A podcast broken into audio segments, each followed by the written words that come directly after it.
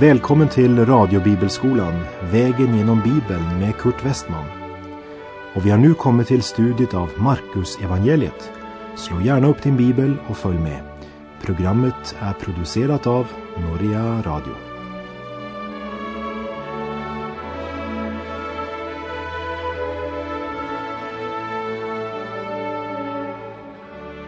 Vi har nu kommit till Markus kapitel 15 där stegen går ut till Golgata och vår frälsares korsdöd. Jag vet att Bibeln är inspirerad av Gud och att den därför tjänar till att ge undervisning, tillrättavisning, upprätta och fostra till ett rättfärdigt liv, som Bibeln själv uttrycker det i Andra Timoteusbrevets tredje kapitel. Och det här avsnittet som beskriver Jesu död och uppståndelse har en helt speciell betydelse för oss idag.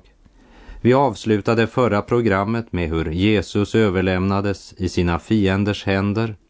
Lärjungaflocken skingrades. En hade förrått honom och en annan förnekat honom. I det här programmet så är det synd som är temat på två olika sätt. För det första, synden försöker krossa Jesus. Och det andra, Jesus gör något med synden. Han dör för dina och mina synder. Och därför utgör just korset den kristna trons paradox. Det är en av de största tragedier och den mest underbara seger i himmel och på jord. Och det är viktigt för oss att vi har det klart för oss det är inte ett nederlag för honom som lider och offras.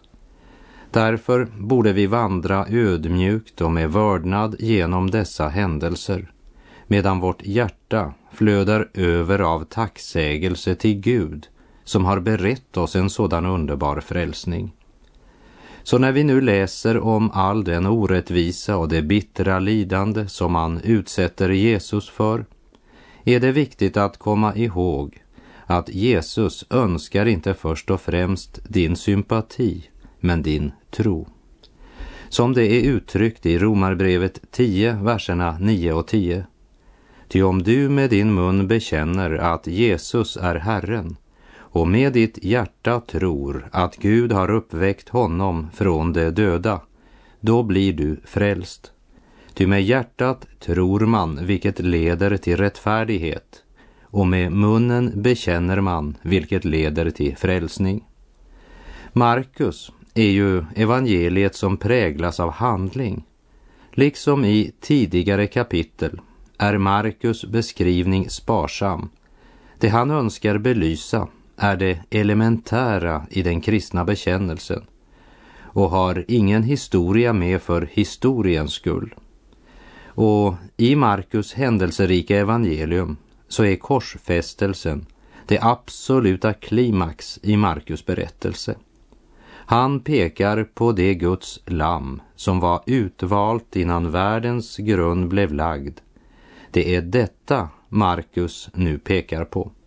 Paulus kunde senare säga i Första Korinthierbrevet 15 Bland det första jag förde vidare till er var detta som jag själv hade tagit emot att Kristus dog för våra synder i enlighet med skrifterna, att han blev begravd och att han uppstod på tredje dag i enlighet med skrifterna. Så därför, kära vän, så är evangeliet vad han har gjort. Det är inte vad Gud ber dig om att göra. Det är hans verk, inte ditt eller mitt. Vi läser i Markus 15 kapitel, vers 1. Så snart det blev morgon höll översteprästerna tillsammans med de äldsta och de skriftlärda, hela stora rådet, en överläggning. De lät binda Jesus, förde bort honom och överlämnade honom till Pilatus.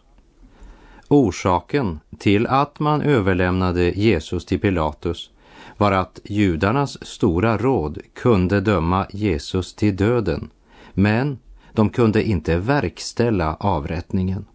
Endast romarna kunde göra det och den grund på vilken de dömt Jesus skyldig skulle aldrig hålla inför Pilatus. Därför möttes de tidigt nästa morgon för att formulera anklagelser som skulle duga inför den romerska rätten. Pilatus var ju den romerska ockupationsmaktens landshövding i Samarien, Judeen och Idumeen. Och han var inte särskilt förtjust i Jerusalem. Därför höll han mest till i Caesarea som låg vid havet och hade ett underbart klimat. Det var egentligen bara vid de stora högtiderna när mycket folk från när och fjärran samlades i Jerusalem som Pilatus drog till huvudstaden för att slå ner alla former för demonstrationer eller oroligheter som kunde uppstå. Pilatus hade egentligen tänkt att frige Jesus när han upptäckte att han var oskyldig. Men att han till sist gick med på det här justitiemordet var nog mera av fruktan för kejsar Tiberius än för att behaga judarna. Det förstår vi bland annat av den nonchalans han visar mot judarna när han blankt avvisar deras begäran om att Pilatus ska ändra överskriften på korset. Och vi läser vidare från Markus 15, verserna 2 till och med 6. Då frågade Pilatus honom, är du judarnas konung? Han svarade, det är du som säger det. Översteprästerna framställde många anklagelser mot honom. Pilatus frågade honom, svarar du ingenting? Hör hur många anklagelser det framställer mot dig. Men Jesus svarade ingenting mer, så att Pilatus förundrade sig. Vid högtiden brukade Pilatus frige en fånge åt dem, den som de begärde. Pilatus är både förundrad och chockerad över en fånge som stod inför honom utan att försvara sig själv. Och Pilatus, han vill veta varför. Av parallelltexten i Johannesevangeliet får vi veta att det var en hel del snack fram och tillbaka mellan Pilatus och judarna eftersom Pilatus hade tänkt att frige Jesus. Pilatus hade ju hoppats att judarna skulle samarbeta och begära Jesus frigiven så att han själv slapp att eh, personligen ta ställning till Jesus. Men Pilatus inser att han måste stå på egna ben och själv avgöra vad han skulle göra med Jesus. Precis som varje människa personligen måste avgöra hur han skall förhålla sig till Kristus. Men i ett eh, sista försök på att själv slippa ta avgörandet genom att frige en fånge så som han brukade. Han hade aldrig drömt om att någon skulle begära att Barabbas skulle friges och Jesus korsfästas. Pilatus trodde verkligen att han hade funnit en lösning på sitt personliga dilemma. Vers 7. En man som hette Barabbas satt fängslad tillsammans med andra upprorsmän vilka under upproret hade begått mord. Här var en man skyldig till mord och delaktig i uppror.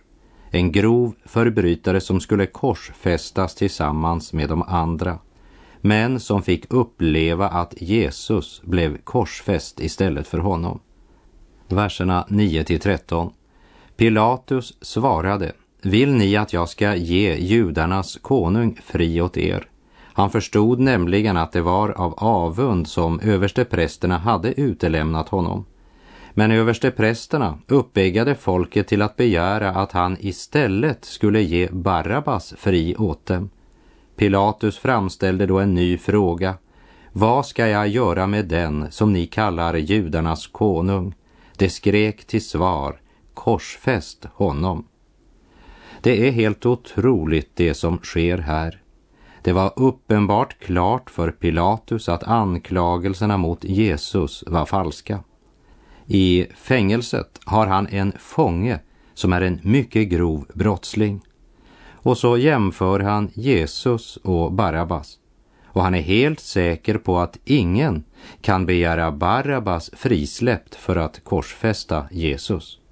Han anade inte hur djupt människorna kan sjunka och han visste inget om hur djupt religionen kan sjunka.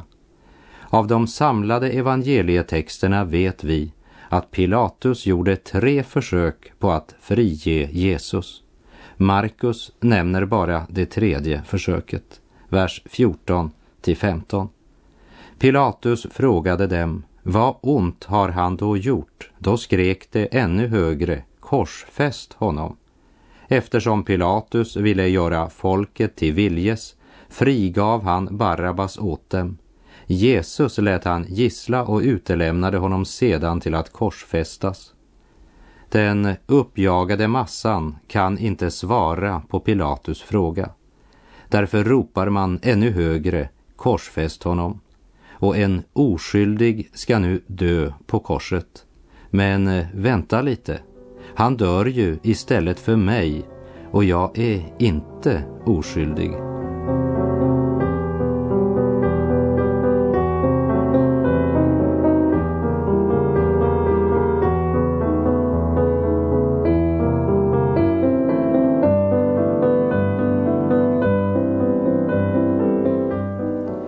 Markus kapitel 15, verserna 16 till 18.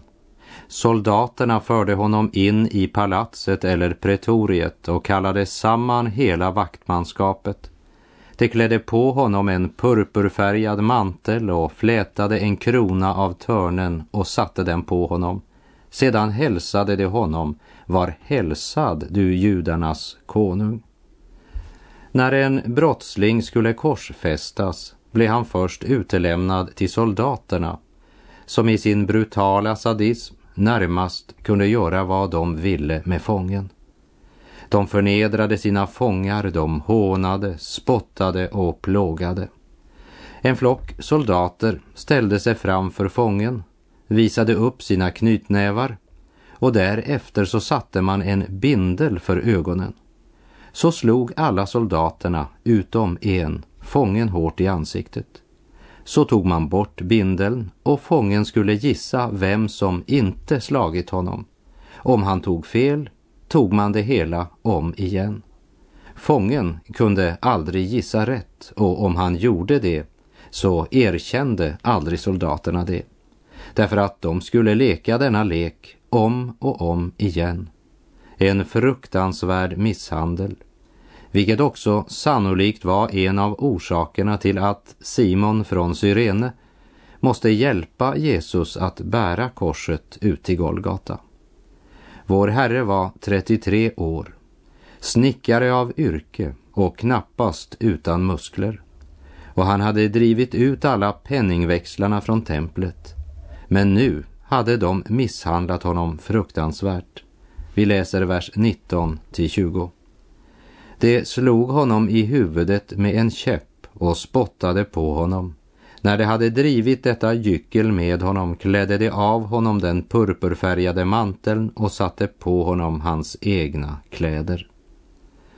Det är min bön att Guds helige ande skulle uppenbara för ditt hjärta något av vad Jesus genomgick när han tog din plats.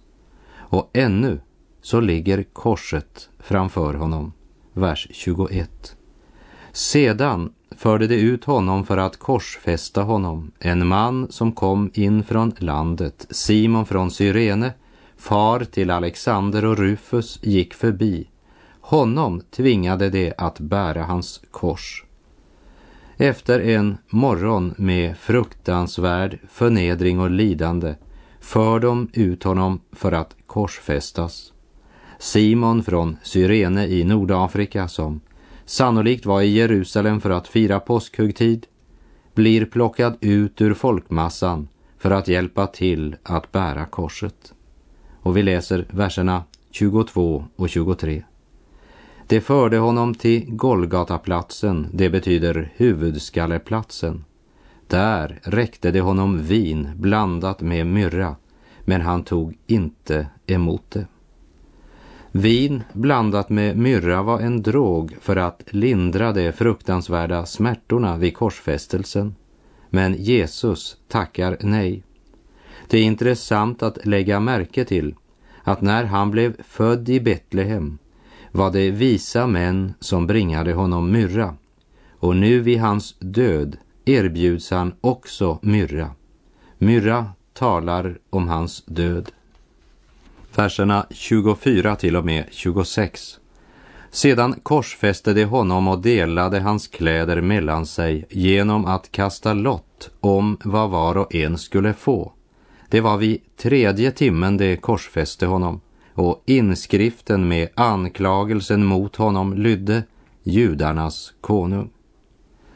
Ingen av evangelierna ger oss någon detaljbeskrivning av korsfästelsen, men mera om händelserna runt omkring korset. Vi kan väl säga att Guds helige ande har lagt ett täcke över detta. Här ges inga detaljer för att tillfredsställa sadistisk skvaller. Markus skriver att det var vid tredje timmen de korsfäste honom, det vill säga klockan nio på morgonen. Markus använder det hebreiska sättet att angiva tiden medan till exempel Johannes använder sig av den romerska tidsangivelsen. Anklagelsen mot Jesus lydde judarnas konung. Det var inte sant på det sätt som de tänkte. Han stod inte i spetsen för något uppror emot Rom. Han erbjöd sig själv till Israel, men blev förkastad.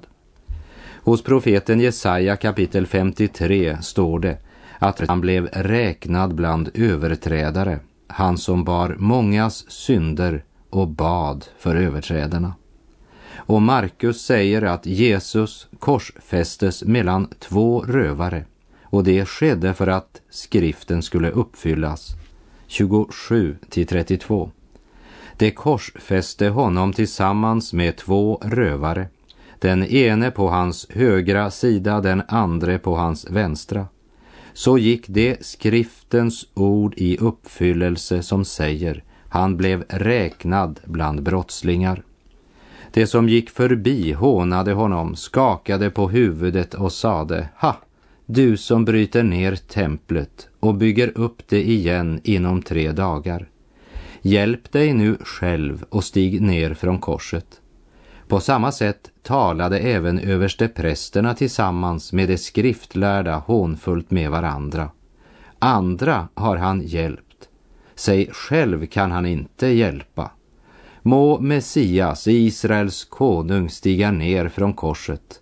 När vi får se det ska vi tro på honom. Även de män som var korsfästa tillsammans med honom smädade honom. De skriftlärda och översteprästerna hade mera rätt än vad de var klara över. För han kunde inte hjälpa andra och samtidigt rädda sig själv. Det är försoningens grundprincip. 33 till 34. Vid sjätte timmen kom över hela landet ett mörker som varade ända till nionde timmen. Vid nionde timmen ropade Jesus med hög röst Eloi, Eloi, lema sabachthani. Det betyder Min Gud, min Gud, varför har du övergivit mig? Markus använder den hebreiska tidsbeskrivningen.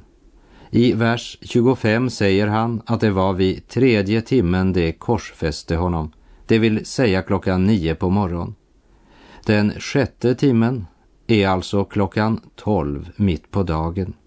Och den nionde timmen, det vill säga klockan tre på eftermiddagen, dör Jesus. Han hänger alltså sex timmar på korset. De första tre timmarna var det ljust rent fysiskt. De tre sista timmarna var det mörkt. Men de tre första timmarna då det var ljust var andligt mörka timmar. Men de tre sista timmarna var fulla av andligt ljus. För de tre första timmarna så är det människan som handlar och gör sitt allra värsta. De korsfäste honom, smädade och skymfade honom. Till och med de som blev korsfästa tillsammans med honom smädade och skymfade honom. Till att eh, börja med så smädade båda rövarna honom. Fienderna går runt korset och skakar på huvudet och gör honom till åtlöje. De tre första timmarna är det människan som är i aktivitet och gör sitt allra värsta. De nästa tre timmarna är det Gud som handlar. De tre första timmarna gör synden allt den kan för att ödelägga honom. De tre sista timmarna utger han sin själ som ett offer för hela världens synd. Så vi kan säga att när Jesus hängt på korset i tre timmar och det kom ett mörker över hela landet var det andligt ljust därför att Gud var verksam. Så när Golgataverket är färdigt och Jesus är uppstånden kan evangeliets ljus stråla till alla stammar och folk och tungomål. Och idag strålar evangeliet om Jesus Kristus som en morgonstjärna över en jord full av gravar och förkunnar uppståndelse, hopp och ljus. Vi läser verserna 35 och 36. Då några av de kringstående hörde detta sade de, hör, han kallar på Elias. En av dem skyndade fram, fyllde en svamp med surt vin och satte den på ett spö och gav honom att dricka. Han sade, vänta, låt oss se om Elias kommer och tar ner honom. Och här sker uppfyllelsen av de profetiska orden i den 69 saltasalmen där det i verserna 21 och 22 står Smärlek har krossat mitt hjärta så att jag är vanmäktig. Jag väntade på medlidande, men där var inget, och på tröstare, men jag fann ingen.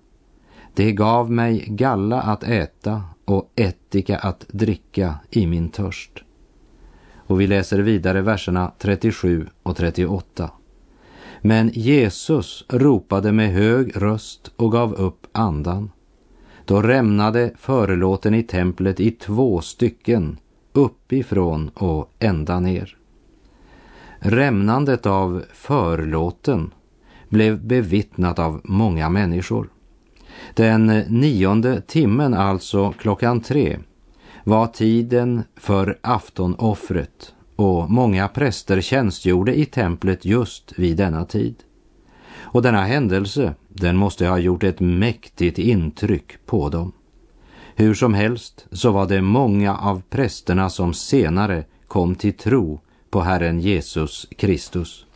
För i Apostlagärningarna 6, vers 7 läser vi och Guds ord hade framgång. Antalet lärjungar fortsatte att öka starkt i Jerusalem och en stor skara präster blev lydiga mot tron. I samma ögonblick som Jesus gav upp andan rämnade förlåten. Draperiet eller dörren som stängde vägen in till det allra heligaste i templet revs alltså i tu. Genom Jesu död försonades människan med Gud. Och genom tron tillägnar vi oss denna seger och blir rättfärdiggjorda genom hans försoningsdöd och blod och frälsta genom hans liv som det står i Romarbrevet 5.10. När vi var fiender blev vi försonade med honom genom hans sons död. Så mycket säkrare är det, sedan vi nu har blivit försonade, ska vi bli frälsta genom hans liv. Vi kommer inte undan det ansvaret att vi inte bara ska förkunna Jesus Kristus som den som historiskt sett dog för att friköpa syndare genom sitt försoningsoffer. Men vi ska förkunna honom som en erfarenhet här och nu. För Jesus Kristus dog och uppstod igen för att leva sitt liv i dig.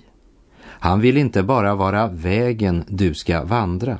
Han vill vara ditt liv just nu. Gud önskar göra det helt klart för oss att ingen form för mänsklig förträfflighet kan någonsin vara en ersättning för hans son, den uppståndne och levande Jesus. Som Paulus uttrycker det i Galaterbrevets andra kapitel, vers 20.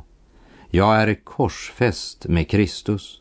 Det är inte längre jag som lever, det är Kristus som lever i mig. Och det jordiska liv som jag nu lever, det lever jag i tron på Guds son, som har älskat mig och offrat sig själv för mig.